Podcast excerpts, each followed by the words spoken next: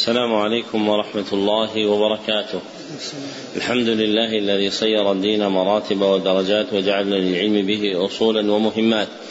وأشهد أن لا إله إلا الله حقا وأشهد أن محمدا عبده ورسوله صدقا. اللهم صل على محمد وعلى آل محمد كما صليت على إبراهيم وعلى آل إبراهيم إنك حميد مجيد. اللهم بارك على محمد وعلى آل محمد كما باركت على إبراهيم وعلى آل إبراهيم إنك حميد مجيد. أما بعد فحدثني جماعة من المسندين وهو أول حديث سمعته منهم بإسناد كل.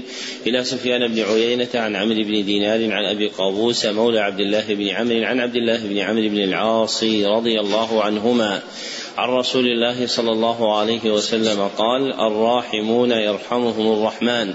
ارحموا من في الأرض يرحمكم من في السماء. ومن آكد الرحمة رحمة المعلمين للمتعلمين في تلقينهم أحكام الدين وترقيتهم في منازل اليقين. ومن طرائق رحمتهم إيقافهم على مهمات العلم بإقراء أصول المتون وتبيين معانيها الإجمالية ومقاصدها الكلية. ليستفتح بذلك المبتدئون تلقيهم ويجد فيه المتوسطون ما يذكرهم ويطلع منه المنتهون إلى تحقيق مسائل العلم. وهذه بقية شرح الكتاب الثاني عشر من برنامج مهمات العلم في مرحلته الأولى وهو تفسير الفاتحة وقصار المفصل لمعد برنامج صالح بن عبد الله بن حمد العصيمي. وقد انتهى بنا البيان. إلى قوله وفقه الله في تفسير سورة التكاثر عن عبد الله بن الزبير. نعم. صلى الله عليكم بسم الله الرحمن الرحيم. الحمد لله وصلى الله وسلم على عبده ورسوله محمد. اللهم اغفر لنا ولشيخنا وللحاضرين والمستمعين. قال الشيخ صالح بن عبد الله العصيمي حفظه الله تعالى في تفسير الفاتحة وقصار المفصل. عن عبد الله بن الزبير بن العوام رضي الله عنهما عن أبيه قال لما نزلت ثم لتسألن يومئذ عن النعيم. ثم لتسألن يومئذ عن النعيم. قال الزبير يا رسول الله وأي النعيم يسأل عنه؟ وإنما هما الأسودان التمر والماء. قال أما إنه سيكون. رواه الترمذي بسند حسن. وعن أبي هريرة رضي الله عنه قال خرج رسول الله صلى الله عليه وسلم ذات يوم أو ليلة فإذا هو بأبي بكر وعمر فقال ما أخرجكما من بيوتكما هذه الساعة؟ قال الجوع يا رسول الله. قال وأنا والذي نفسي بيده لاخرجني الذي أخرجكما. قوموا. فقاموا معه فأتى رجلا من الأنصار فإذا هو ليس في بيته فلما رأته المرأة قالت مرحبا وأهلا فقال لها رسول الله صلى الله عليه وسلم أين فلان؟ قالت ذهب يستعذب لنا من الماء. إذ جاء الأنصاري فنظر إلى رسول الله صلى الله عليه وسلم وصاحبيه ثم قال الحمد لله ما أحد اليوم أكرم أضيافا مني. قال فانطلق فجاءهم بعذق فيه بسر وتمر ورطب فقال كلوا من هذه وأخذ المدية فقال له رسول الله صلى الله عليه وسلم إياك والحلوب فذبح لهم فأكلوا من الشاة ومن ذلك العذق وشربوا فلما أن شبعوا ورووا قال رسول الله صلى الله عليه وسلم لأبي بكر وعمر والذي نفسي بيده لتسألن عن هذا النعيم يوم القيامة أخرجكم من بيوتكم الجوع ثم لم ترجعوا حتى أصابكم هذا النعيم رواه مسلم. تفسير سورة العصر. بسم الله الرحمن الرحيم. والعصر إن الإنسان لفي خسر إلا الذين آمنوا وعملوا الصالحات وتواصوا بالحق وتواصوا بالصبر. استفتح الله هذه السورة بالقسم فقال والعصر وهو الوقت المعروف آخر النهار قبل غروب الشمس. اختير هذا المعنى دون سائر معاني العصر لأنه المراد عند الإطلاق فهو معهود الخطاب الشرعي في الأحاديث النبوية والآثار الواردة عن الصحابة رضي الله عنهم فإن العصر لم يأتي في الكلام النبوي ولا في آثار الصحابة إلا على إرادة هذا الوقت المعروف. أما تفسيره بالدهر فليس معهودا في كلامه في كلامهم. وحمل الكلام على المعهود المعروف في الخطاب الشرعي أولى من تفسيره بغيره. نعم. أحسن الله إليكم.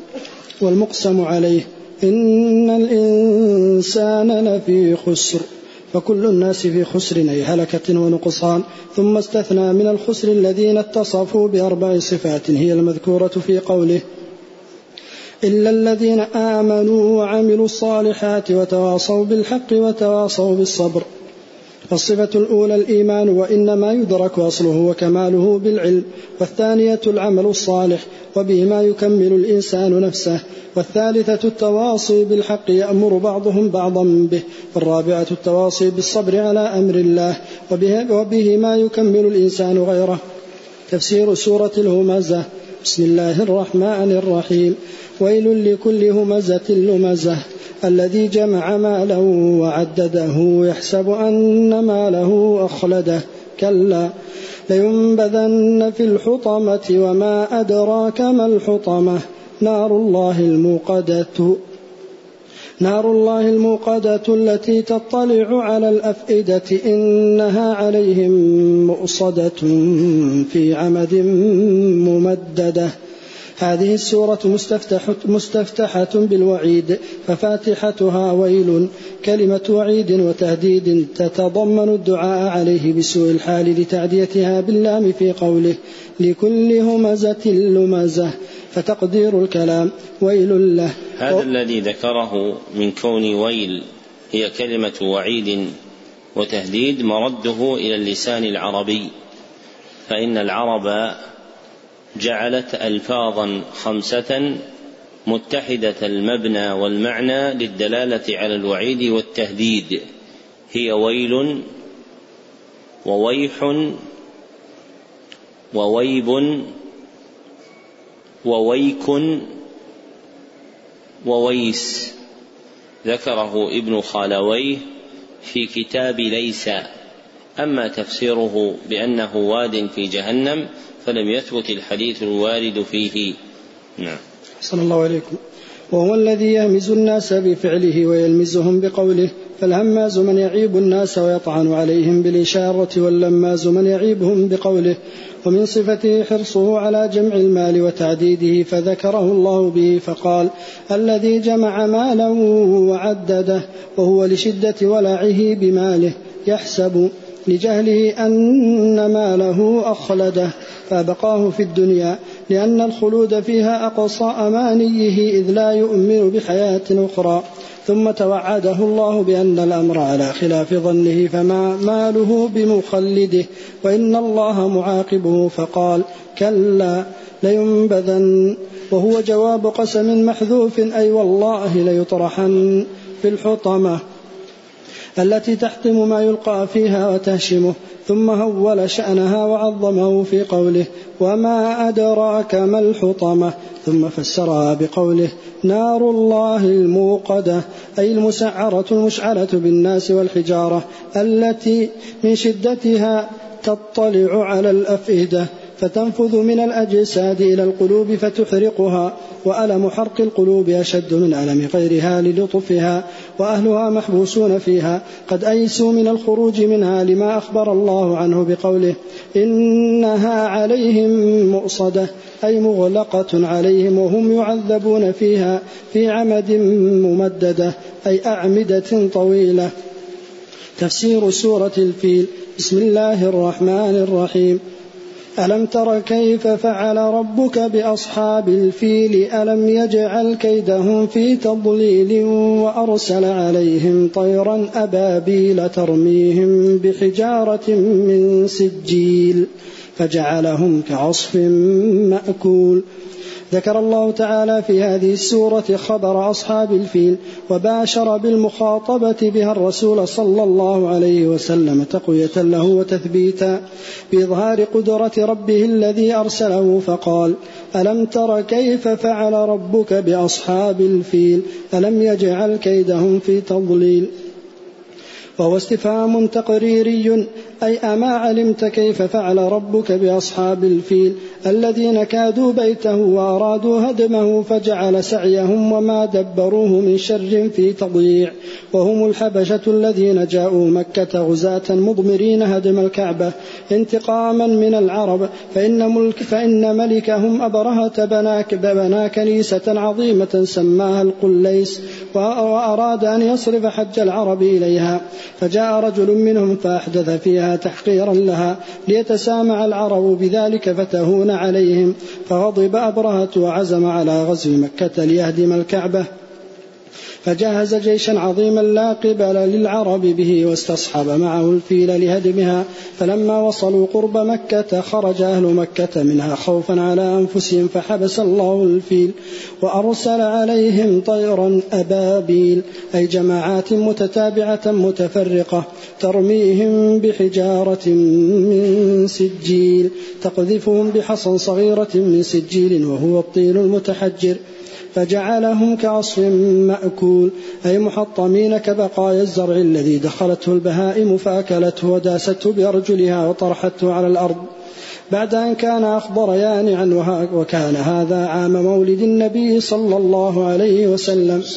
فمولد النبي صلى الله عليه وسلم مذكور في القرآن في سورة الفيل لما بينهما من التلازم. فإهلاك الفيل اقترن بمولده صلى الله عليه وسلم. وللبخاري رحمه الله تعالى شفوف نظر في إعمال الدلالات المتلازمة في تفسير كتاب الله عز وجل فإنه قال باب الحوض وقول الله تعالى إنا أعطيناك الكوثر. والحوض عند البخاري غير الكوثر كما يدل عليه الحديث الذي أسنده في الباب المذكور إلا لأنه بين الحوض والكوثر تلازم فالحوض يمد من الكوثر كما سيأتي. جعل البخاري رحمه الله تعالى ذكر الكوثر في القرآن دالا على إثبات الحوض. نعم. صلى الله عليكم تفسير سورة قريش. بسم الله الرحمن الرحيم. لإيلاف قريش إيلافهم رحلة الشتاء والصيف فليعبدوا رب هذا البيت الذي أطعمهم من جوع الذي أطعمهم من جوع وآمنهم من خوف. هذه السورة مفردة في قبيلة النبي صلى الله عليه وسلم تعظيما له ولهم والجار والمجرور في صدرها لإيلاف قريش متعلق بقوله فليعبدوا رب هذا البيت ودخلت عليه الفاء لما في الكلام من إرادة الشرط إذ معناه إن نعم الله عليهم لا تحصى فإن لم يعبدوه لأجل ربوبيته المظهرة بنعمه فليعبدوه لأجل إيلافهم أي ما لزموه واعتادوه مع الأنس به ثم فسره بقوله إيلافهم رحلة الشتاء والصيف وهي رحلة تجارتهم في الشتاء لليمن وفي الصيف للشام وأخر ما أمرهم به اهتماما بما قدم فقال فليعبدوا رب هذا البيت وخصه بالربوبية لفضله وشرفه ثم أبرز بعض ما طواه قبل من نعمه عليهم الموجبة عبادته فقال الذي أطعمهم من جوع فرزقهم من الثمرات وهيأ لهم أسباب التجارات وآمنهم من خوف فصير بلدهم حرما آمنا وأعظم قدرهم عند الخلق فلا يتعرض لهم أحد بسوء. لأنهم جيران الكعبة إحنا نقرأ في التفسير ترى. الكتاب الآخر إلى الآن ما قرأنا فيه. كل واحد ينتبه في الكتاب الذي نقرأ فيه. نعم. أحسن الله عليكم وأعظم قدرهم عند الخلق فلا يتعرض لهم أحد بسوء لأنهم جيران الكعبة المعظمة فانتظام سياق معانيها في وضع الكلام لتعبد قريش رب هذا البيت لما أنعم عليهم في رحلة الشتاء والصيف فأطعمهم من جوع وآمنهم من خوف. تفسير سورة الماعون. بسم الله الرحمن الرحيم. أرأيت الذي يكذب بالدين فذلك الذي يدع اليتيم ولا يحض على طعام المسكين فويل للمصلين الذين هم عن صلاتهم ساهون الذين هم يراءون ويمنعون الماعون. يقول تعالى في ذم من ضيع حقه وحقوق عباده. أرأيت الذي يكذب بالدين وهو الجزاء والاستفهام للتعجب من حالهم وما أورثهم تكذيبهم من سوء الصنيع فذلك الذي يدع اليتيم أي فهو الذي يدفع اليتيم بعنف وشدة ويمنعه حقه لغلظة قلبه وتكذيبه جزاء ربه. ولا يحض غيره والحض الحث على طعام المسكين وأحرى به أنه لا يطعمه بنفسه لمحبته المال وبخله به. ثم توعد صنفا من المصلين هم المنافقون فقال فويل للمصلين الذين هم عن صلاتهم ساهون. أي لاهون فلا يؤدونها في وقتها ولا يقيمونها على وجهها. وفي صحيح مسلم عن أنس بن مالك رضي الله عنه قال سمعت رسول الله صلى الله عليه وسلم يقول تلك صلاة المنافق يجلس يرقب الشمس حتى إذا كانت بين قرني الشيطان قام فنقرها أربعا لا يذكر الله فيها إلا قليلا.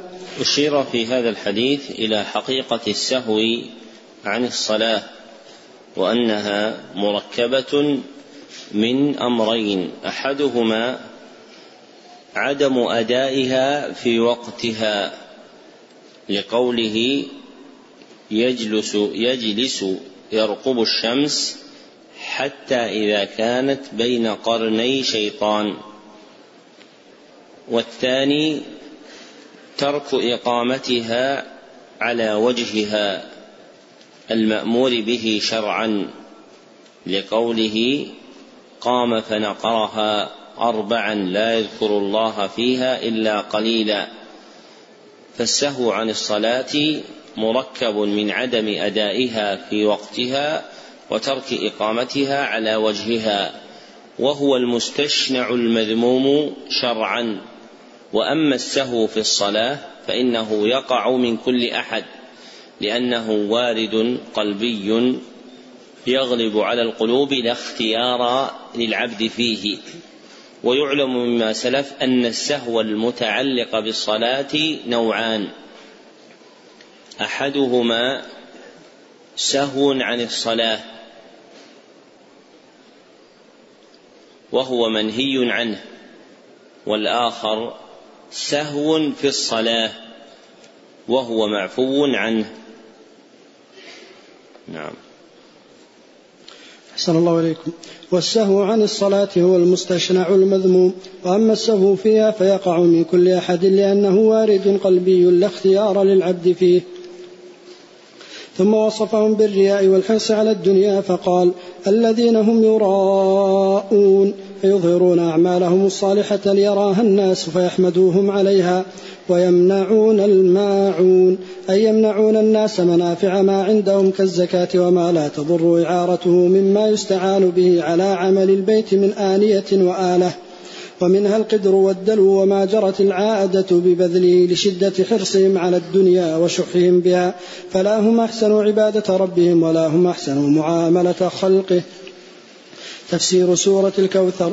بسم الله الرحمن الرحيم. إنا أعطيناك الكوثر فصل لربك وانحر إن شانئك هو الأبتر. امتن الله عز وجل على نبيه محمد صلى الله عليه وسلم فقال له إنا أعطيناك الكوثر وهو نهر في الجنة ومنه يشخب ميزابان يضب يصبان في حوض النبي صلى الله عليه وسلم في عرصات يوم القيامة. ثبت هذا في صحيح مسلم والشخب هو الجري بشدة وانحباس. ومنه شخب الحليب والحديث يبين اتصال الحوض بالكوثر بأن مدد الحوض من الميزابين اللذين يصبان من نهر الكوثر. نعم. أحسن الله عليكم وفي صحيح مسلم عن أنس رضي الله عنه قال بينا رسول الله صلى الله عليه وسلم ذات يوم بين اظهرنا إذا اغفى اغفاءة ثم رفع رأسه متبسما فقلنا ما اضحكك يا رسول الله؟ قال أنزلت علي آنفا سورة فقرأ بسم الله الرحمن الرحيم إنا أعطيناك الكوثر فصل لربك وانحر إن شانئك هو الأبتر ثم قال أتدرون ما الكوثر؟ فقلنا الله ورسوله أعلم. قال فإنه نهر وعدنيه ربي عز وجل عليه خير كثير هو حوض ترد عليه أمتي يوم القيامة. آنيته عدد النجوم فيختلج العبد منهم فأقول ربي إنه من أمتي فيقول ما تدري ما أحدثت بعدك. هذا الحديث دال على أن الكوثر الذي أعطيه النبي صلى الله عليه وسلم الذي أعطيه النبي صلى الله عليه وسلم هو نهر في الجنة. وأما تفسير الكوثر بأنه الخير الكثير فإنه لا يظهر فيه مشهد الامتنان. إذ الخير الكثير عطاء من الله سبحانه وتعالى لجميع أهل الجنة كما قال تعالى عطاء غير مجدود. وقال سبحانه وتعالى جزاء من ربك عطاء حسابا والنكرة من مواقعها في العربية التكثير والتعظيم. فكثرة العطاء من الخير في الجنة حاصلة لكل أحد. فالمناسب لحصول الامتنان والاختصاص له صلى الله عليه وسلم أن يكون المراد معنى خاصا من الخير وهو النهر الذي له صلى الله عليه وسلم دون غيره.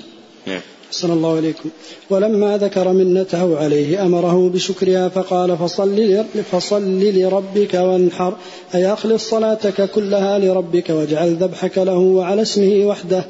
وخص هاتين العبادتين بالذكر لفضلهما فالصلاة تتضمن خضوع القلب والجوارح لله والنحر يتضمن التقرب إليه بسفك الدم من النحائر المشتمل على سماحة النفس بالمال.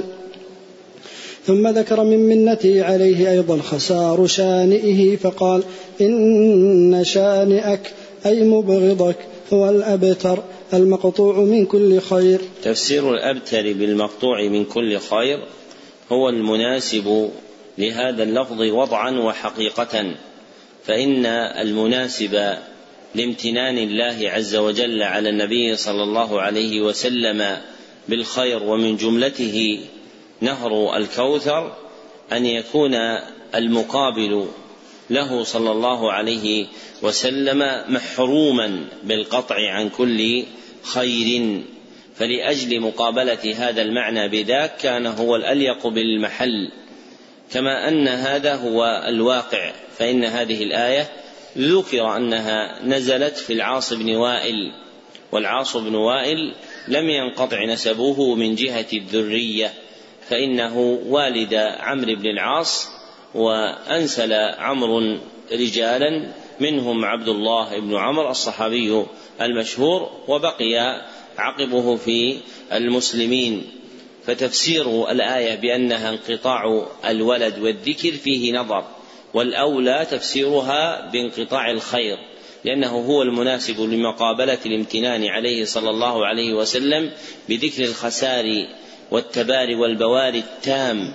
لمبغضه صلى الله عليه وسلم كما أنه الواقع حقيقة.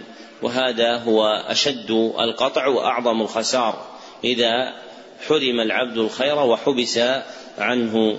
نعم. صلى الله عليكم وروى النسائي في السنن الكبرى عن ابن عباس رضي الله عنهما قال لما قدم كعب بن الأشرف مكة قالت له قريش أنت خير أهل المدينة وسيدهم؟ قال نعم قالوا ألا ترى إلى هذا المنبتر من قومه يزعم أنه خير منا؟ ونحن يعني أهل الحجيج وأهل السدا وأهل السدانة. قال أنتم خير منه. فنزلت إن شانئك هو الأبتر. ونزلت ألم تر إلى الذين أوتوا نصيبا من الكتاب يؤمنون بالجبت والطاغوت إلى قوله فلن تجد له نصيرا وإسناده صحيح. تفسير سورة الكافرون. بسم الله الرحمن الرحيم. قل يا أيها الكافرون لا أعبد ما تعبدون ولا أنتم عابدون ما أعبد ولا أنا عابد ما عبدتم ولا أنتم عابدون ما أعبد لكم دينكم ولي دين أمر الله رسوله صلى الله عليه وسلم في هذه السورة أن يبلغ الكافرين أمرا عظيما فقال قل يا أيها الكافرون الباقون على كفركم لا أعبد ما تعبدون من الآلهة في المستقبل كما أني لا أعبدها الآن. ثم أخبر عن حالهم فقال ولا أنتم عابدون ما أعبد. وهو الله المستحق وحده للعبادة. فعبادتكم إياه وأنتم تشركون به لا تسمى عبادة. ثم كرر براءته من آلهتهم فقال ولا أنا عابد ما عبدتم للدلالة على الثبات وتأييسهم من عبادته لها فأخبر عن تحقق تكذيبهم فقال ولا أنتم عابدون ما أعبد للدلالة على أن ذلك صار وصفا لازما لهم أنهم لا يؤمنون.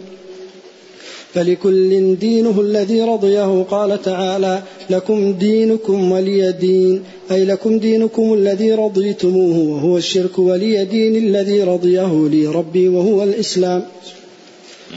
تفسير سورة النصر.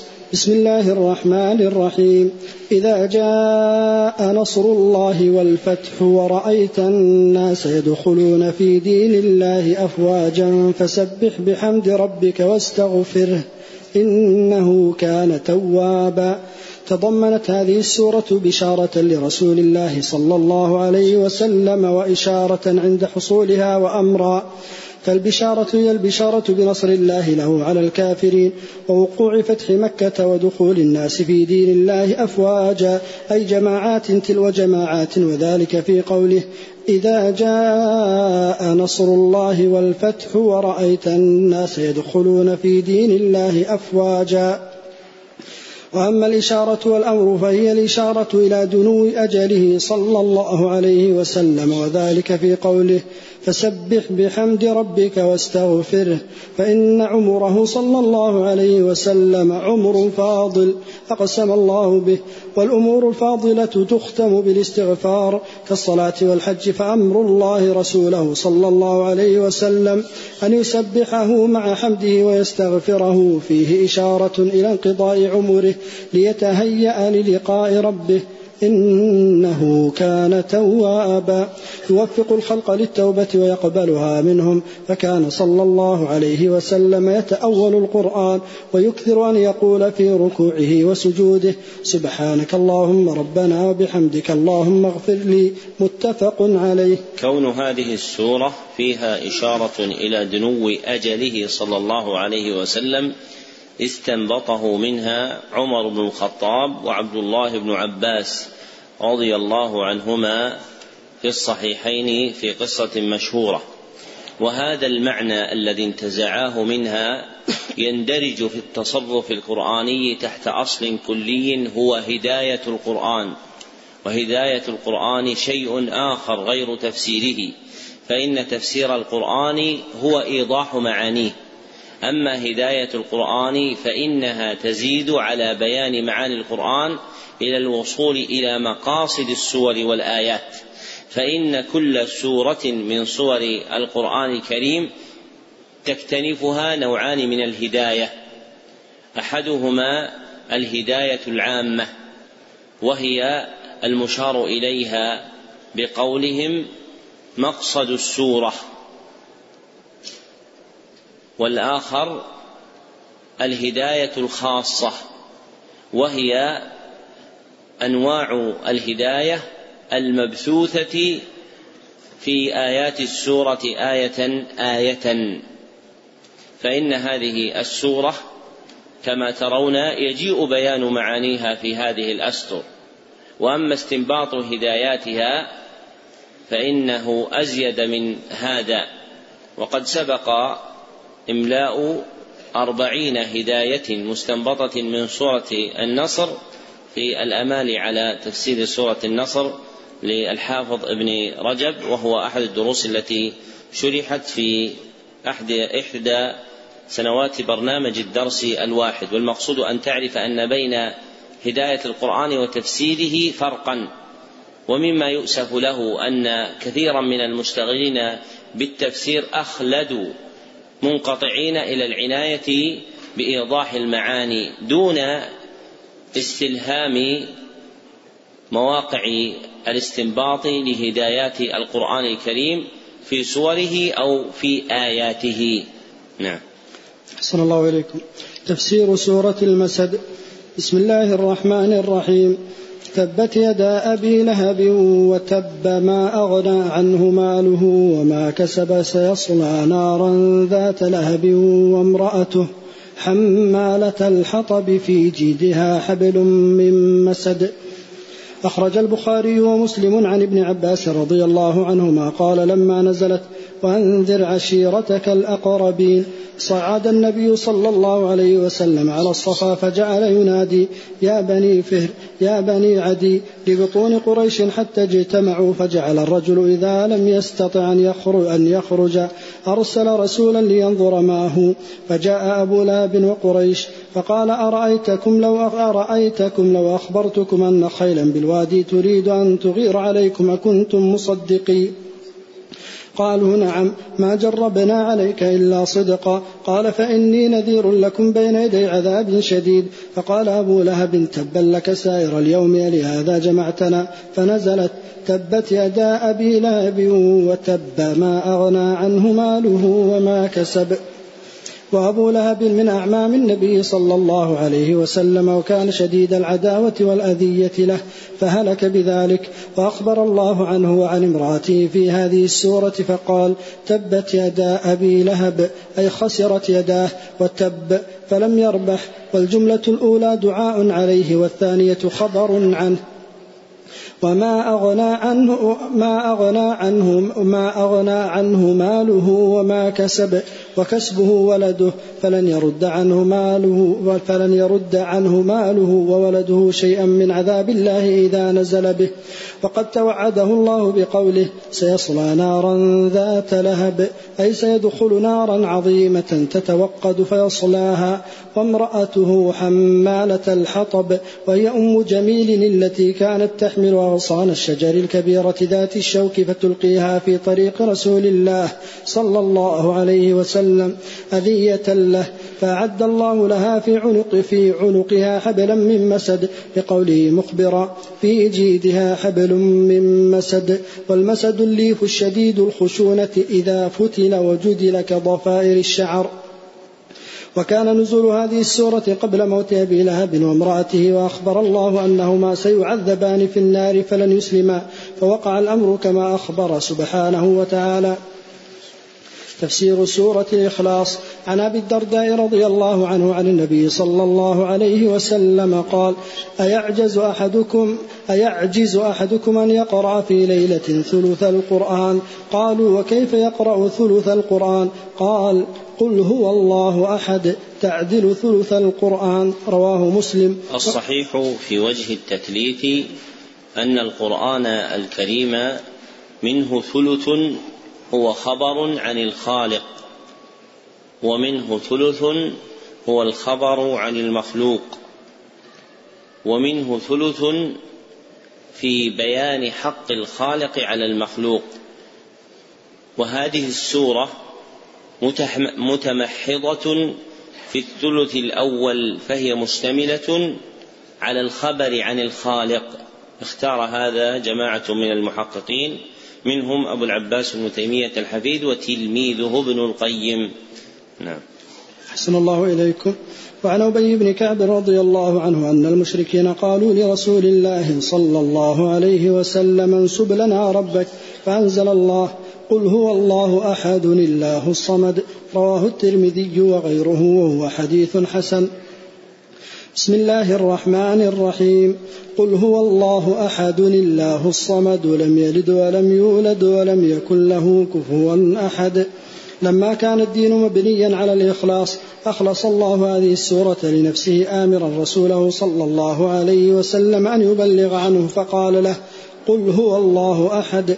أي قل أيها الرسول مبلغا إن الله هو الأحد المنفرد بالكمال المتفرد بالألوهية والربوبية. المتفرد بالألوهية والربوبية والأسماء والصفات فلا يشاركه أحد فيها. وأنه قل, قل أيها الرسول ولا قل يا محمد؟ قل أيها الرسول. نعم. صلى الله عليكم وأنه هو الله الصمد أي السيد الكامل المقصود في قضاء الحوائج فالخلق مفتقرون إليه وهو مستغن عنهم. صمدانية الله تجمع معنيين أحدهما كماله وسؤدده في نفسه كماله وسؤدده في نفسه والآخر توجه الخلق إليه ابتغاء قضاء حوائجهم توجه الخلق إليه ابتغاء قضاء حوائجهم. نعم. صلى الله عليكم ومن كماله لم يلد ولم يولد. فليس له ولد ولا له فليس له ولد ولا والد ولم يكن له كفوا أحد فلا يكافئه أحد في ذاته ولا في أسمائه ولا في صفاته ولا في أفعاله تبارك وتعالى. تفسير سورة الفلق. عن عقبة بن عامر رضي الله عنه قال قال رسول الله صلى الله عليه وسلم ألم تر آيات أنزلت الليلة لم ير مثلهن قط؟ قل أعوذ برب الفلق وقل أعوذ برب الناس. رواه مسلم. ومعنى لم ير مثلهن قط.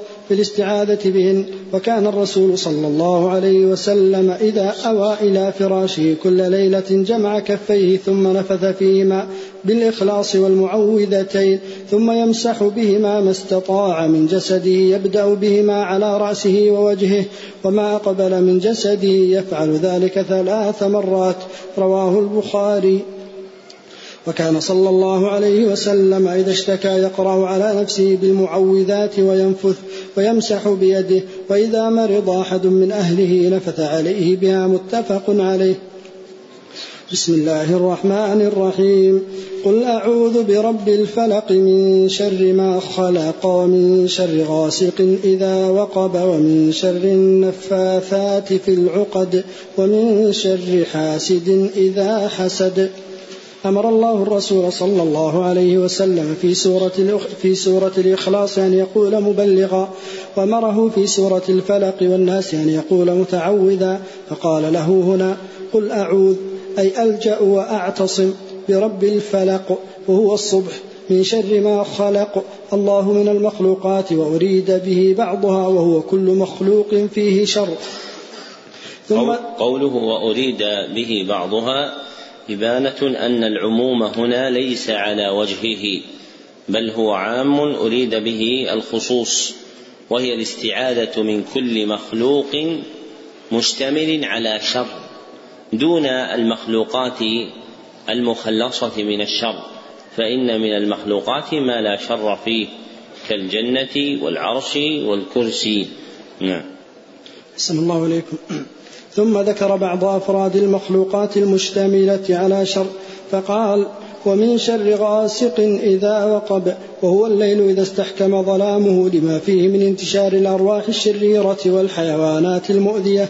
وعند الترمذي بسند حسن عن عائشة رضي الله عنها أن النبي صلى الله عليه وسلم نظر إلى القمر فقال يا عائشة استعيذي بالله من شر هذا فإن هذا هو الغاسق إذا وقب فجعل القمر علامة له ومن شر النفاثات في العقد وهي الأنفس السواحر من الرجال والنساء اللاتي اللواتي يستعن على سحرهن بالنفخ مع ريق لطيفة في العقد المشدودة عليه. ومن شر حاسد إذا حسد وهو من يكره وصول النعمة إلى محسوده استعاذ منه إذا ثار حسده وبرز. وقد تضمنت هذه السورة الاستعاذة من أنواع الشرور عموما ومن أصولها خصوصا. تفسير سورة الناس. بسم الله الرحمن الرحيم. قل أعوذ برب الناس ملك الناس إله الناس من شر الوسواس الخناس الذي يوسوس في صدور الناس من الجنة والناس. مستهل هذه السورة كسابقتها فإن الله أمر رسوله صلى الله عليه وسلم أن يقول متعوذا فقال له قل أعوذ أي ألجأ وأعتصم برب الناس وهو سيدهم المالك والمصلح لهم ملك الناس وملكه من رب وملكه من ربوبيته لكن أفرد لجلالة موقعه. إله الناس معبودهم بحق. من شر الوسواس الخناس وهو الشيطان الذي يوسوس في صدور الناس فيحسن لهم الشر ويقوي إرادتهم له.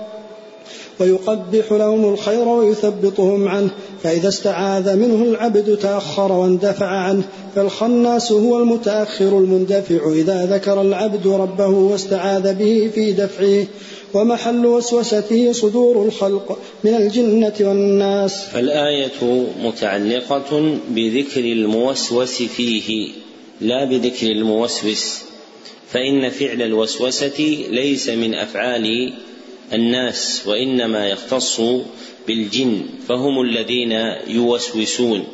فالوسوسة إلقاء خفي والإنس عالم شهادة ظاهر.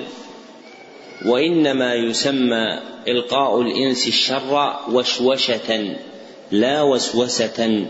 فتكون الآية الأخيرة تفسيرا للكلمة الأخيرة من الآية التي تسبقها في صدور الناس فالموسوس فيه هو صدور الناس من الناس والجن معا نعم. ما في خاتم عندي. بهذا بحمد الله وتوفيقه نكون قد ختمنا الكتاب الثاني عشر ونكون قد ختمنا المرحلة الأولى من برنامج أعطني نسخة من برنامج لا الكتاب هذا. من برنامج مهم. من برنامج مهمات العلم. في نسخة هنا أخذها من برنامج مهمات العلم. فناسب ذلك أن يكون له خصم أن يكون له ختم. كتبته قبل المجيء وتأخر وصوله من المطبعة لكن الحمد لله أنه وصل فنحن نقرأه كي تسمعوه ثم تعيد قراءته من بعد وتستفيد فوائده وهو نجم المنبهات عند ختم المهمات. والمراد بنجم المنبهات يعني وقت المنبهات لأن النجم هو الوقت المضروب المعين. بسم الله الرحمن الرحيم. الحمد لله في الأولى والآخرة. عظمت منته وجزلت عطيته جعلنا مسلمين ورزقنا البيان والتبيين وصلى الله وسلم على خير رسله وصفوة خلقه المبعوث رحمة والمملوء حكمة عبد الله محمد وخليل الرحمن أحمد. صلى عليه ربه مع سلام يتبع وعلى آله وصحبه أجمع. الحمد لله على الإيمان ونعمة التوفيق للبيان. ثم الصلاة أردفت سلامي على النبي والآل في الدوام. أما بعد فإن المرء مفتقر إلى صاحب يأنس به ويأوي إليه لأنه مدني الطبع إنساني النزع. ومن الجاري بين العرب قولهم لولا الوئام لهلك الأنام. أي لولا انتفاع الخلق بعضهم ببعض وقيام سوق المؤانسة والمنفعة بينهم لهلكوا. وأنفع الأصحاب صادقهم ممن يرى لك من الحق مثل ما ترى له وذلكم هو المؤمن. فإن الله جعل المؤمنين بعضهم لبعض أولياء يبسطون فراش الرحمة ويمدون يد العون. وفي الصحيحين من رواية آل أبي موسى الأشعري عنه رضي الله عنه عن النبي صلى الله عليه وسلم قال المؤمن للمؤمن كالبنيان يشد بعضه بعضا. رواياه من حديث أبي بردة بريد بن أبي بردة قال أخبرني جدي أبو بردة عن أبيه أبي موسى رضي الله عنه وفيهما من مسموع النعمان بن بشير رضي الله عنهما من رسول الله صلى الله عليه وسلم وهو قليل مثل المؤمنين في توادهم وتراحمهم وتعاطفهم مثل الجسد إذا اشتكى منه عضو تداعى له سائر الجسد بالسهر والحمى واللفظ لمسلم فمن كان مؤمنا فهو الحقيق بالصحبة وبالنهي عن صحبة غيره ثبت الحديث النبوي عند أبي داود والترمذي عن أبي سعيد الخدري رضي الله عنه أنه سمع رسول الله صلى الله عليه وسلم يقول لا تصاحب إلا مؤمنا ولا يأكل طعامك إلا تقي. ومن جوامع وصف الصاحب التي لا توجد إلا في المؤمن ما أوصى به علقمة بن لبيد ابنه قال يا بني إن نزعتك نفسك إلى صحبة الرجال فاصحب من إذا صحبته زانك وإن خدمته صانك وإن مرت بك بلية مانك أي أعانك اصحب من إن قلت صدق قولك وإن أصبت سدد صوابك اصحب من إن رأى منك ثلمة سدها وإن بدت منك نعمة عدها وإن مدت يد إليك بالفضل مدها. اصحب من لا تختلف عليك منه الطرائق. رواه أبو بكر الأنصاري في أحاديث الشيوخ الثقات. وقال ذو النون المصري بصحبة الصالحين تطيب الحياة والخير مجموع في القرين الصالح. إن نسيت ذكرك وإن ذكرت أعانك. رواه أبو نعيم الأصبهاني في كتاب حلية في حلية الأولياء. وإنما اختير للمؤمن أن يصحب مؤمنا لأن الصاحب ساحب والزميل مميل والطبائع سراقة والناس مجبولون على التشبه فالمرء يركن إلى فالمرء يركن إلى دين خليله ويقتدي به. فإن النبي صلى الله عليه وسلم قال الرجل على دين خليله فلينظر أحدكم من يخالل. رواه أبو داود والترمذي عن أبي هريرة رضي الله عنه وإسناده حسن. قال الخطابي في كتاب العزلة معناه لا تخالل إلا من رضيت دينه وأمانته.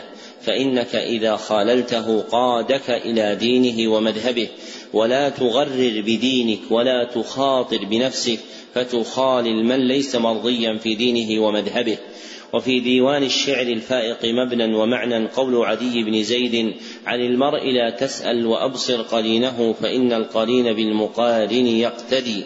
روى ابن بطة في الإبانة الكبرى عن الأصمعي قال لم أر بيتا قط أشبه بالسنة من قول عدي فذكر ومن صحبة المؤمنين الصحبة في العلم وهي ثلاثة أنواع.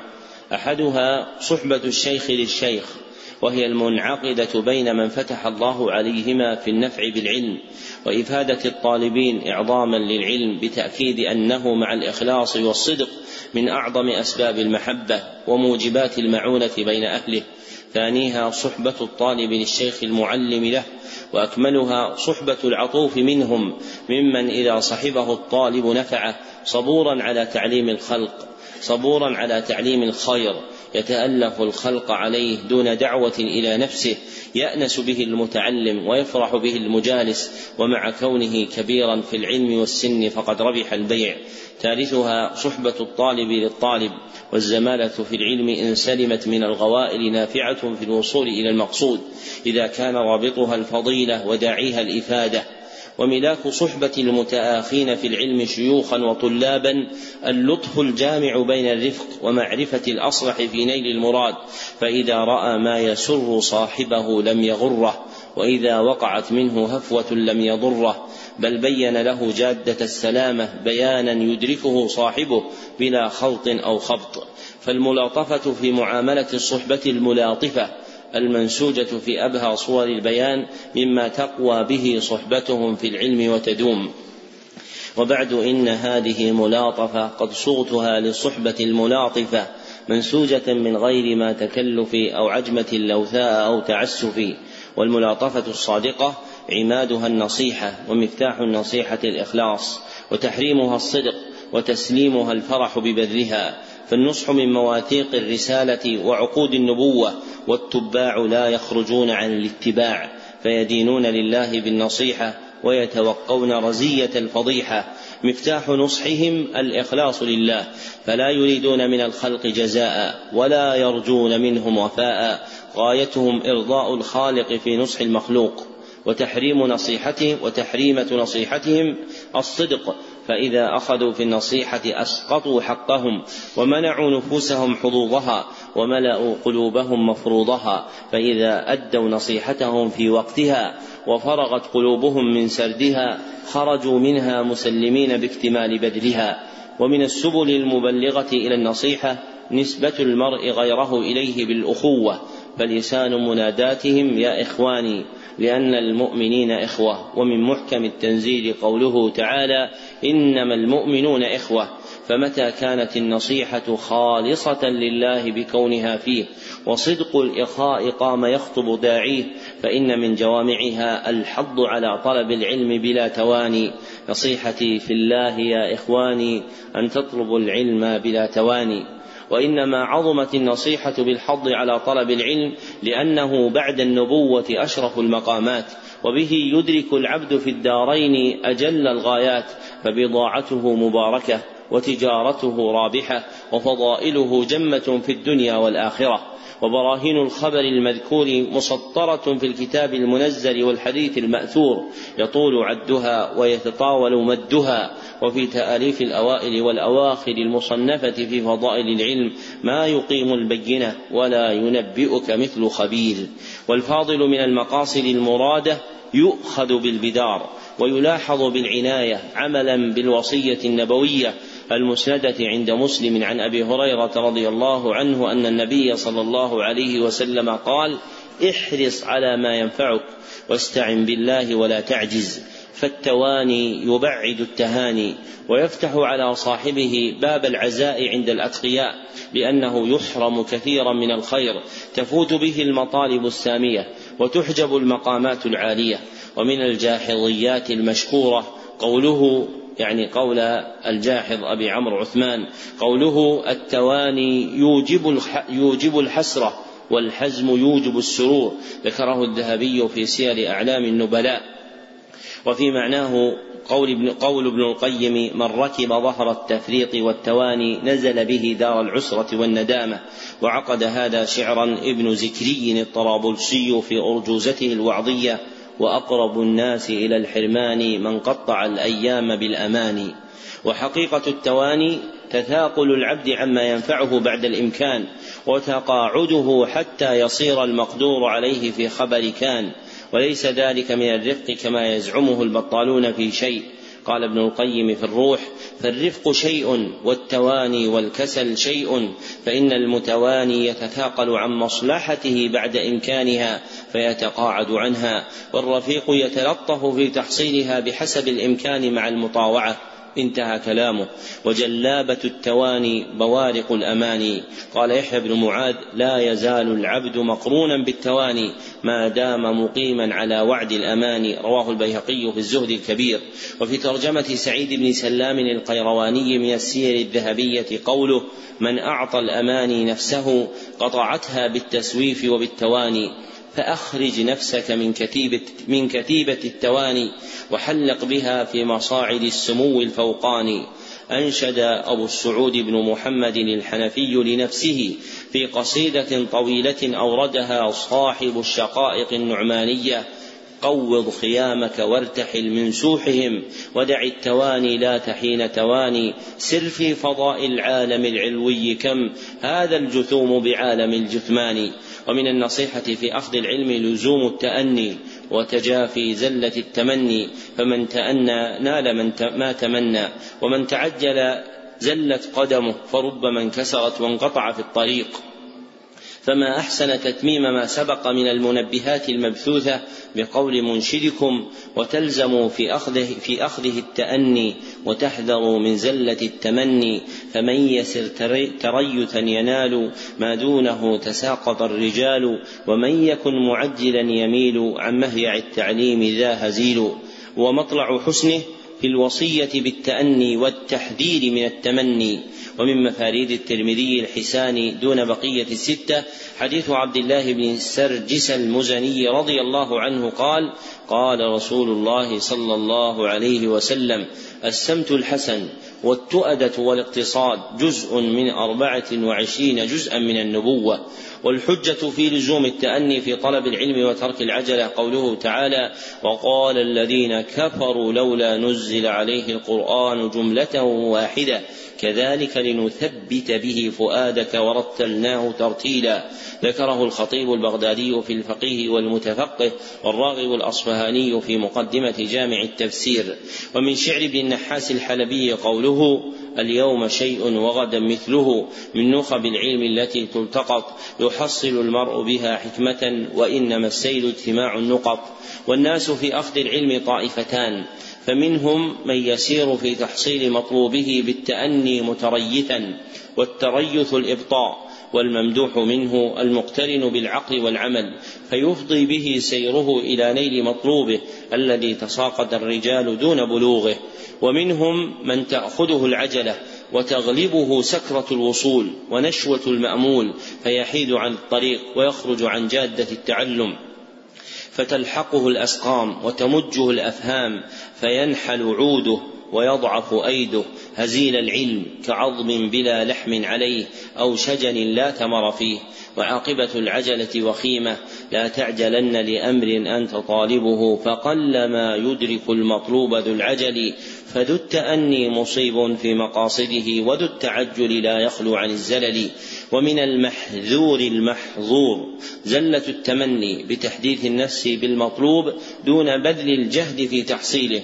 فإن المفلس يتسلى بالأماني ويسترسل معها فيبحر خياله وهو محبوس في قيد الأوهام. لم تترق نفسه للمعالي ولا بلغ مقصوده من العوالي. فكره في مركب الربح شارد وقلبه على ديوان الخسارة وارد. قال علي بن محمد الصائغ من فساد الطبع التمني والأمل. ومن النفحات النجدية في الحقائق القلبية بديعة فيصل آل مبارك في تحقيق الفرقان بين التمني والرجاء. أن التمني يصاحبه الكسل والرجاء يبعث على صالح العمل وما طلب المعيشة بالتمني ولكن ألق دلوك في الدلاء تجيء بمثلها طورا وطورا تجيء بحمأة وقليل ماء. ومهيع التعليم المطلوب إقامة النفوس عليه لا يخفى على باحث حثيث أو ناهض مستغيث وهو تلقي أصول العلوم المدخرة في أمات المتون في أنواع الفنون حفظا وفهما ومن بدائع المقترحات في تسمية الأشياء بحقائقها كتب الجادة عند متأخر العراقيين يعنون بها قوام العلوم من المتون الجديرة, الجديرة بالأخذ حفظا وفهما. فالآمر بخير لكم هو الدال عليها. فلتدرسوا من المتون ما اشتهر فإنما التحصيل أخذ بالأثر وحاذروا من حصره بما شهر فربما النفاع ليس يشتهر وإنه من يعلم المشهور يزيده أن يعلم المستور. فالنافع من متون العلم مشهورها الذي جرى عليه العمل في تلقين مسائل العلوم وشهرتها نسبية فللمشارقة ما لهم وللمغاربة ما لهم. صححوا هذه. فللمشارقة ما لهم وللمغاربة ما لهم وما اختص به قطر منها فهو لأهله. والموفق من هدي إلى تقديم الفاضل فيما وقع فيه التشارك ومن مثله اختصاص المشارقة وطائفة من المغاربة. بنظم العمريطي للورقات في الأصول واختصاص كثير من المغاربة بنظمها للكنتي وثانيهما أحسنهما وضعا وأتمهما لمقاصد الورقات جمعا. ومن جال في بلدان المسلمين أصاب المعين ومثل هذا إن عقل فنعم المعين. فمن أراد حيازة العلم الأتم فليلزم الجادة المعروفة في أخذه. بيد أن المشيد بها المجتهد في نفع الخلق بتشييدها.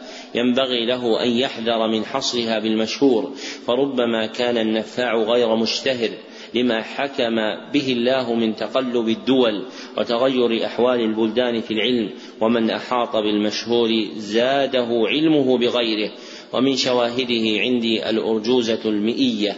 في السيرة النبوية لابن أبي العز وحسن البيان في نظم مشترك القرآن للأبيار ونظم الموافقات وثمار المزهر كلاهما لماء العينين الشنقيط ونيل المنى في نظم متن البناء للكوهج وألفية البلاغة لآل التبيان لأستاذ حسن بن عبد الرزاق. ومن رتب أخذ العلم شيئا فشيئا متدرجا تخرج وترك غيره متخبطا يتفرج ومن رقى في العلم بالتدرج فقد على سابلة التخرج وحقيقة التدرج البداءة بالمتون القصار المصنفة في فنون العلم حفظا واستشراحا ثم الترقي إلى ما بعدها مع الميل حينئذ عن مطالعة المطولات التي لم يرتفع الطالب بعد إليها ومن أعرض عن التدرج أضر بنفسه وفوت عليها نيل العلم ولحقه الغبن لا محالة وإن كان داعي إعراضه تكبره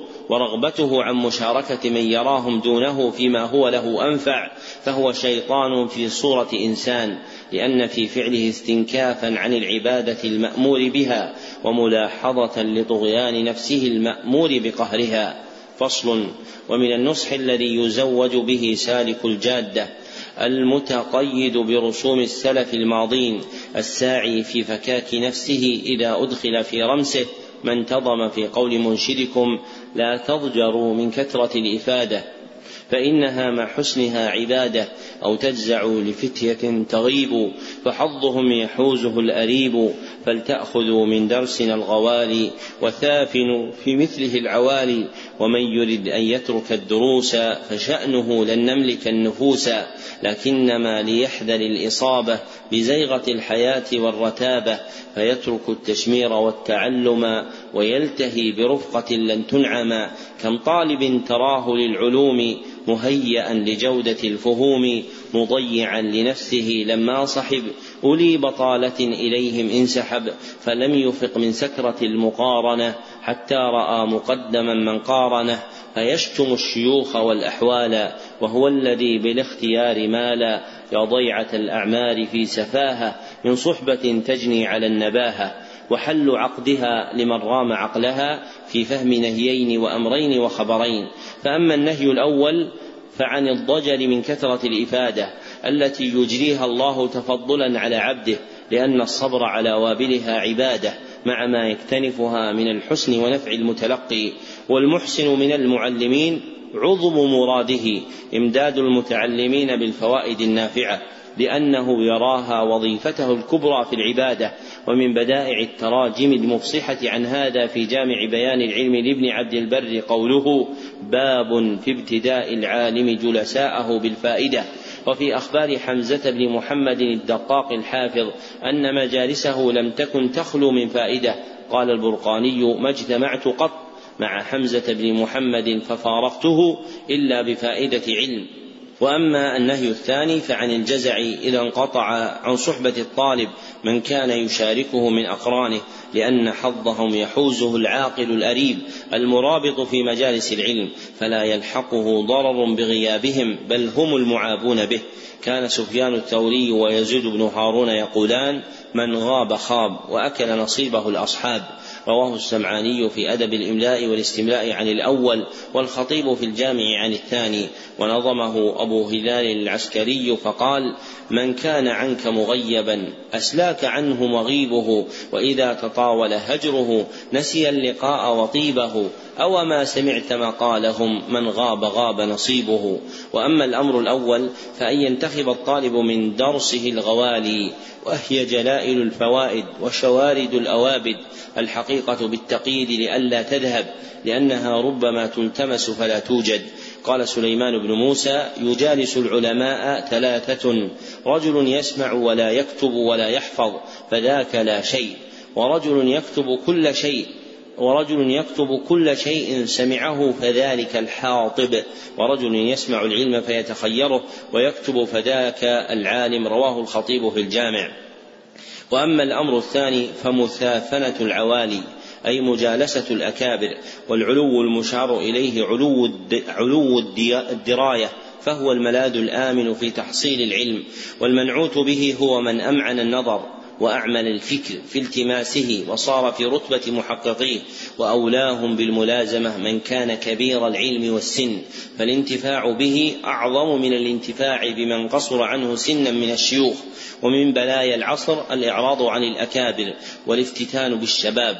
ومن نبغ من الشباب في منزلة من يساعد ربان السفينة له فضيلة الدلالة ولا يصلح أن يقودها. ومن بلاياه أيضا من ينسب إلى التقدم في العلم ويعد في الأكابر مع خلوه من حقيقته وتزييه بصورته غر الخلق بلسان فصيح وهجوم على المسائل قبيح وشهادة مصدرة بلقب دكتور فيها مال بن حميد أحمد استبدلوا لفظ الفقيه بغيره ومن الغريب محدثون دكاترة والله لو علم الجدود بفعلنا لتناقلوها في المجالس نادرة.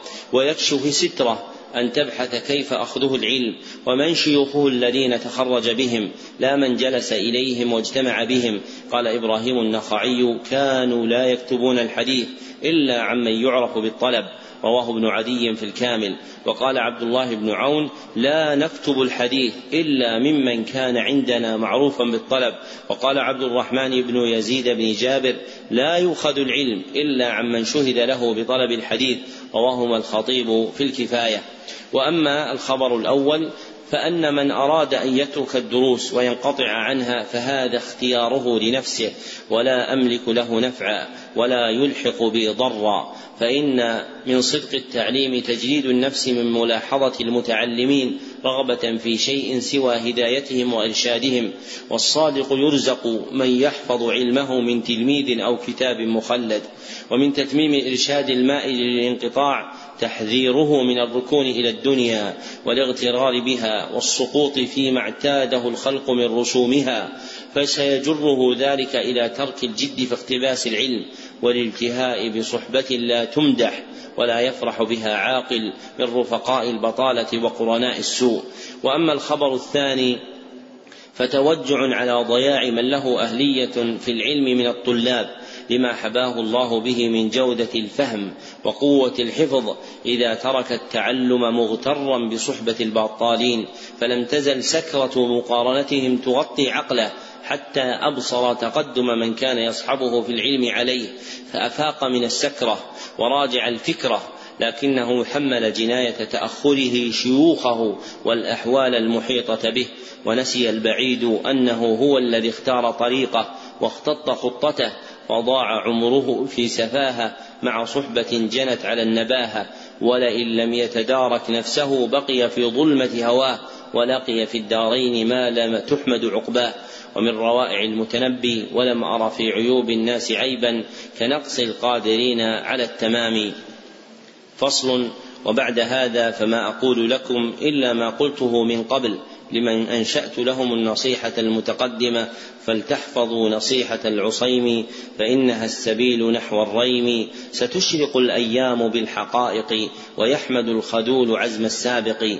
والريم هو الفضل وليست النصيحة سبيلا للفضل لأجل قائلها. فإن له من الخطايا ما ينزله عن رتبة الاقتداء ويرجو من ربه أن يغفرها له يوم القضاء. لكن لمن انتظم فيها من المعاني المقررة عند أساطين العلم وأربابه فما فيها مقاصد مرادة لهم. رسموا معانيها ونحت مبانيها. والفصل بين المتنازعين في حقيقة صراط العلم المستبين. سيبدو إذا أشرقت الأيام بعد دوران فلكها بالحقائق فبان لسالك الجادة حميد فعله وجميل صنعه. وشهد نعمة الله عليه فقد هداه إلى ما به نال العلم وحازه وبان لمن اختط جادة محدثة أو خبط صنوفا مبتتة قلة المحصول وفوات المأمول وعندها يحمد الخذول عزم السابق. ولقد رأيت في من صحبته قرينا وفي من صحبني متعلما أمينا من دلائل الحق ما يزيد قلبي طمأنينة ويملأ نفسي سكينة أن سلوك الجادة السوية يبلغ العبد المقاصد المرضية. وأن العدول عنها يضيع به عمر كثير مع فائدة قليلة. ومن جرب مثل تجربتي عرف مثل معرفتي والبوح بها رحمة للمتعلمين. يرجى بها بلوغ رحمة أرحم الراحمين. لما ثبت في الحديث الراحمون يرحمهم الرحمن ارحموا من في الأرض يرحمكم من في السماء. حدثناه محمد تاج الدين ابن أحمد البشير الكنبلشي وهو أول حديث سمعته منه. قال حدثنا عبد القادر بن توفيق الشلبي وهو أول حديث سمعته منه. قال حدثنا محمد بن خليل الحسني وهو أول حديث سمعته منه. قال حدثنا محمد بن أحمد البهي وهو أول حديث سمعته منه. قال حدثنا محمد بن محمد الحسيني وهو أول حديث سمعته منه. قال حدثنا داود بن سليمان الخربتاوي وهو أول حديث سمعته منه. قال حدثنا محمد الفيومي المصري وهو أول حديث سمعته منه. قال حدثنا يوسف بن عبد الله الأرميوني وهو أول حديث سمعته منه. قال حدثنا عبد الرحمن بن أبي بكر السيوطي وهو أول حديث سمعته منه. قال حدثنا عبد الرحمن بن علي بن عمر بن الملقن وهو أول حديث سمعته منه. قال حدثنا جدي عمر بن علي بن الملقن وهو أول أول حديث سمعته منه. قال حدثنا محمد بن محمد الميدومي وهو أول حديث سمعته منه. قال حدثنا عبد اللطيف بن عبد المنع بن ابن عبد المنعم الحراني وهو أول حديث سمعته منه. قال حدثنا عبد الرحمن بن علي بن الجوزي وهو أول حديث سمعته منه. قال حدثني إسماعيل بن أبي صالح النيسابوري وهو أول حديث سمعته منه. قال حدثنا أبي أحمد بن عبد الملك النيسابوري وهو أول حديث سمعته منه. قال حدثنا محمد بن محمد الزيادي وهو أول حديث سمعته منه. قال حدثنا أحمد بن محمد البزاز وهو أول حديث سمعته منه. قال حدثني عبد الرحمن ابن بشر بن الحكم وهو أول حديث سمعته منه. قال حدثني سفيان بن عيينة وهو أول حديث سمعته منه عن عمرو بن دينار عن أبي قابوس مولى عبد الله بن عمرو بن العاص عن عبد الله بن عمرو بن العاص رضي الله عنهما عن رسول الله صلى الله عليه وسلم. قال الراحمون يرحمهم الرحمن ارحموا من في الأرض يرحمكم من في السماء. حديث حسن أخرجه أبو داود. قال حدثنا أبو بكر بن أبي شيبة ومسدد. قال حدثنا سفيان وأخرجه الترمذي. قال حدثنا ابن أبي عمر. قال حدثنا سفيان به دون تسلسل فوقع لنا بدلا لهما عاليا. فصل. وهذه الأبيات المضمنة البيان المتقدم مما تقادم من شعر منشدكم أنشأها نصحا لجماعة من الآخذين عنه. وجعل اسمها تحفة الملاطفة في نصح الصحبة الملاطفة. وسياقها المتصل الحمد لله على الإيمان ونعمة التوفيق للبيان ثم الصلاة أرجفت سلامي على النبي والآل في الدوام. وبعد إن هذه ملاطفة قد صغتها للصحبة الملاطفة منسوجة من غير ما تكلف أو عج أو عجمة لوثاء أو تعسف. نصيحتي في الله يا إخواني أن تطلبوا العلم بلا تواني وتلزم وتلزم في أخذه التأني وتحذروا من زلة التمني. فمن يسر تريثا ينال مدون دونه تساقط الرجال ومن يكن معجلا يميل عن مهيع التعليم ذا هزيل فلتدرسوا من المتون ما اشتهر فإنما التحصيل أخذ بالأثر وحاذروا من حصله بما شهر فربما النفاع ليس يشتهر وإنه من يعلم المشهور يزيده أن يعلم المستورا ومن رقى في العلم بالتدرج فقد على سبيلة التخرج. لا تضجروا من كثرة الإفادة فإنها مع حسنها عبادة.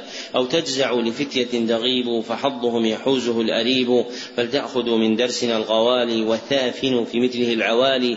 ومن يرد أن يترك الدروس فشأنه لن نملك النفوس لكنما ليحذر الإصابة بزيغة الحياة والرتابة.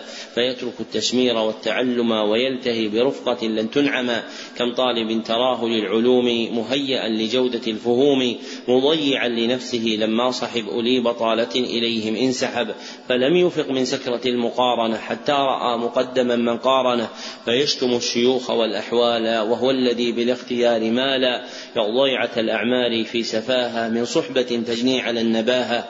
فلتحفظوا نصيحة العصيم فإنها السبيل نحو الريم. ستشرق الأيام بالحقائق ويحمد الخذول عزم السابق. ولم تزدني السنوات المتتابعة والحوادث المتلاحقة إلا إيمانا بما فيها ووثوقا بمعانيها إذ رأيت بعدها أثر الاقتداء وما يثمر وعاقبة العشاء الأشواء وما تهدر وفي صرف الدهر أخبار وحكايات ترشد عن أحوال ونهايات فالشقي من شقي في بطن أمه والسعيد من وعظ بغيره ومن هدي إلى الرشد وإلى طريق مستقيم سار سار بسير الأوائل العارفين واهتدى بمسالك البررة المتقين لا تغيره العوادي الحادثة ولا تستهويه العوات النافثة. يحفظ المهمات ويتفهم المبينات ويتقن البينات.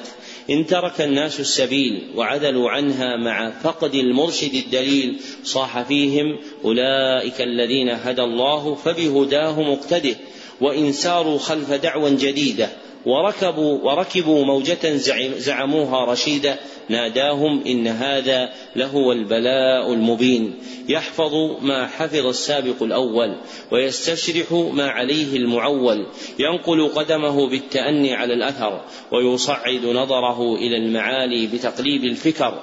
لا يقدم شيئا على علوم العلماء السالفين ولا يزهد في إفادات فضلاء المتأخرين. فمن رام العلم فليحفظ هذه الوصية وليصلح كمائن الطوية مع دوام الانكسار للجبار والدعاء بأفضل الاختيار. استودعت الله نصيحتكم إنه لا تضيع ودائعه وإذا استودع شيئا حفظه وهو على كل شيء شهيد. اللهم رب النبي محمد اغفر ذنوبنا وأذهب غيظ قلوبنا وأجرنا من مضلات الفتن ما أصابنا.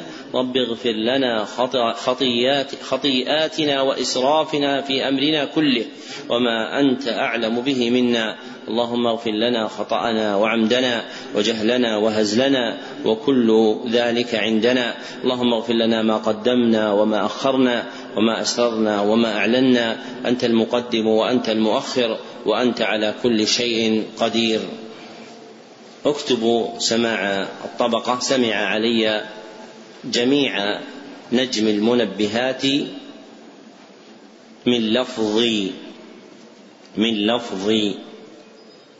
سمع علي جميع نجم المنبهات من لفظ صاحبنا فلان بن فلان بن فلان الفلاني فتم له ذلك في مجلس واحد في الميعاد المثبت في محله من نسخته وأجزت له روايته عني إجازة خاصة من معين لمعين في معين الحمد لله رب العالمين صحيح ذلك. كتبه صالح بن عبد الله بن حمد العصيمي ليلة الخميس. السادس ولا السابع؟ السابع. من شهر ربيع الأول سنة 32 وأربعمائة وألف في المسجد النبوي بمدينة الرسول صلى الله عليه وسلم. وبهذا نكون بحمد الله قد فرغنا من المرحلة الأولى من برنامج مهمات العلم وهو لا الكتاب حقك الأسود. وهو برنامج مؤلف لا نفس الكتاب. وهو برنامج مؤلف من أربعة مراحل. فالمرحلة الأولى فيها هذه المتون التي فرغنا فيها المثبتة في الجدول. والمرحلة الثانية فيها متون أخرى تكون في إجازة الربيع القادمة بإذن الله تعالى. من جملتها العقيدة الطحاوية وكشف الشبهات ونيل المنى في الصرف والرحبية في الفرائض. إلى آخر تلك المتون المرجو شرحها حينئذ وهي ثلاثة عشر متنا بالإضافة إلى تعظيم العلم الذي يكون صدر كل مرحلة من مراحل البرنامج. سيكون إن شاء الله تعالى لهذا البرنامج تتمة تتعلق بحفظ متونه والاختبار فيه وسيكون الاختبار فيه تحريريا وذلك في شهر جمادى الثانية. في شهر جمادى الثانية بإذن الله سبحانه وتعالى. والأصل في مقرر الحفظ أن يكون هذه المتون إلا أشياء منها فلها ما ينوب عنها. فمثلا تعظيم العلم المقرر في حفظه هو خلاصة تعظيم العلم. وثلاثة الأصول كما هي ومنظومة القواعد كما هي والعقيدة الواسطية كما هي والأربعين كما هي وكتاب التوحيد كما هي. أما مقدمة أصول التفسير فالمقرر خلاصة مقدمة أصول التفسير والمبتدأ في الفقه كما هو والمقدمة الأجرامية كما هي ونخبة الفكر كما هي والورقات كما هي. وأما تفسير الفاتحة وقصار مفصل فمحلها معاني الفاتحة وقصار المفصل فهناك ثلاثة كتب خارجة خارجة عن ما هنا متعلقة به وهي خلاصة تعظيم العلم وخلاصة مقدمة أصول التفسير ومعاني الفاتحة وقصار المفصل. وهذه إن شاء الله تعالى لعل نقرأها في الدرس القادم. إما أن نقرأها أو نوزعها عليكم في الدرس القادم الذي يكون في الشهر القادم في الثاني عشر من ربيع الآخر يوم الخميس. عندنا درس في المسجد النبوي إن شاء الله تعالى وإما أن نوزع عليكم متون أو نقرأها إن شاء الله تعالى. وبالنسبة للمقدمة الأجرامية والورقات ونخبة الفكر فالإنسان مخير بين حفظ المتن وبين حفظ نظم له. والمقدم في نظم المقدمة في نظم المقدمة الآجرومية هو نظم محمد بن أبا. المعروف بنظم عبيد ربه وهو لمحمد بن أبا. ونخبة الفكر المقدم فيها العالي الرتبة. شرح آه، المقدم فيها نظم النخبة للشمني الأب الذي شرحه ابنه في العالي الرتبة. والورقات المقدم فيها نظم المختار الكنتي. ولعل إن شاء الله تعالى نصطلح على الشهر القادم سأحاول أن آتي بنسخ مصححة ليست هي الأخيرة بالنسبة لي لكن تصلح لكم تنتفعون بها في نظم النخبة ونظم الأجرامية ونظم الورقات. ثم الإنسان يحفظ هذه المتون بعرضها على بعض المشايخ المتصدرين لعرض المتون عليهم في المسجد النبوي. مثل الشيخ هيثم سرحان والشيخ عبد الرحمن الشيدان أو الشيخ عبد المحسن القاسم. فكل واحد يعرض على من يشاء لكن يأتي بورقة تفيد أنه عرض المتون المطلوبة. فإذا عرض المتون المطلوبة عليهم إن شاء الله تعالى يكون الاختبار في الموعد المضروب بيننا إن شاء الله تعالى في شهر جمادى الثانية. ونتفق إن شاء الله فيما بعد على تحديد وقته لكنه لن ينقص عن ثلاثة أشهر من هذه الليلة بإذن الله سبحانه وتعالى. بالنسبة للبرامج الإخوان يستفسرون عن البرامج وما يتعلق بسيرها العلمي فأفيدكم بأنه ثم رقم هاتفي. يمكنكم أن ترسلوا عليه رسالة ثم تأتيكم منه رسائل بسير البرامج. وهو بالرقم الدولي صفر صفر تسعة ستة ستة خمسة أربعة واحد ثلاثة أربعة خمسة ثلاثة ثلاثة ستة مرة أخرى صفر صفر تسعة ستة ستة خمسة أربعة واحد ثلاثة أربعة خمسة ثلاثة ثلاثة ستة فهذا ترسلون إليه رسالة فارغة ثم يدرج هذا الرقم في الأرقام التي ترسل إليها الرسائل عبر موقع الجامع. وبالنسبة للدروس المرفوعة على الشبكة العنكبوتية المسماة بالنت فهناك موقع لا يزال في المرحلة التجريبية. قام أحد الإخوان جزاه الله خيرا بوضع كثير من الدروس عليه. فالدروس التي في البث المباشر قد تكون ناقصة كما استفسر أحد الإخوان عن فضائل القرآن لابن تيمية التي شرحت في إحدى البرامج هي توجد كاملة صافية على الموقع التالي من اليسار لأنه بالإنجليزي جي أو جي جي ما هو بجي جي جي بعدين شرطة إي شرطة من اليسار بادين نحن. لا لا في النصف في المنتصف. E M E N.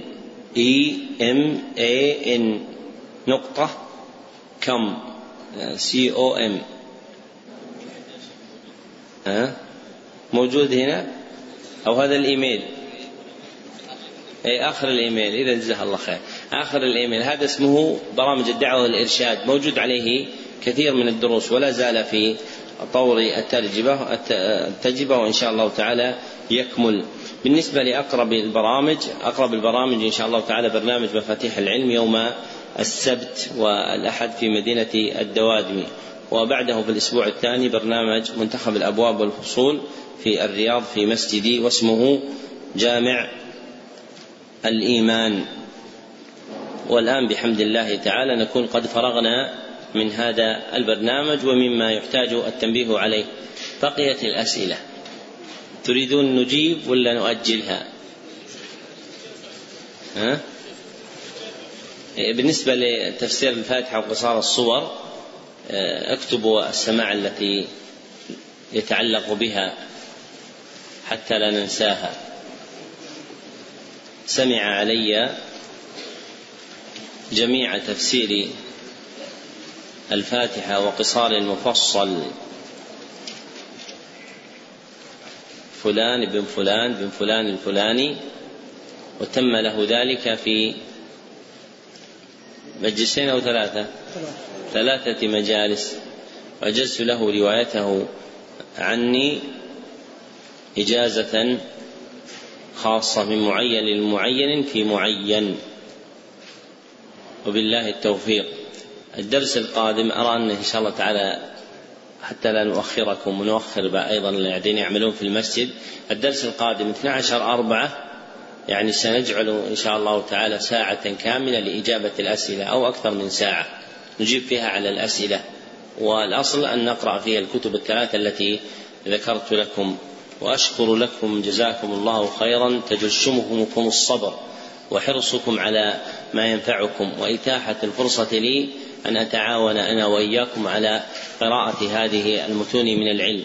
وأوصيكم أن تحرصوا على طلب العلم وأن تستزيدوا منه قدر ما تستطيعون ولا سيما من هو آت هذه البلاد مدة يسيرة ويرجع إلى أهله فينبغي أن يحرص على التزود من العلم. وآمل منكم جميعا أن تعذرونني من الأسئلة لأنني سأجيب عليها إن شاء الله تعالى في الدرس القادم. فإذا خالفتم هذا الشرط خالفنا الوعد. لكن إن شاء الله تعالى أنكم تلتزمون به. الحمد لله رب العالمين وصلى الله وسلم على عبده ورسوله محمد وآله وصحبه أجمعين.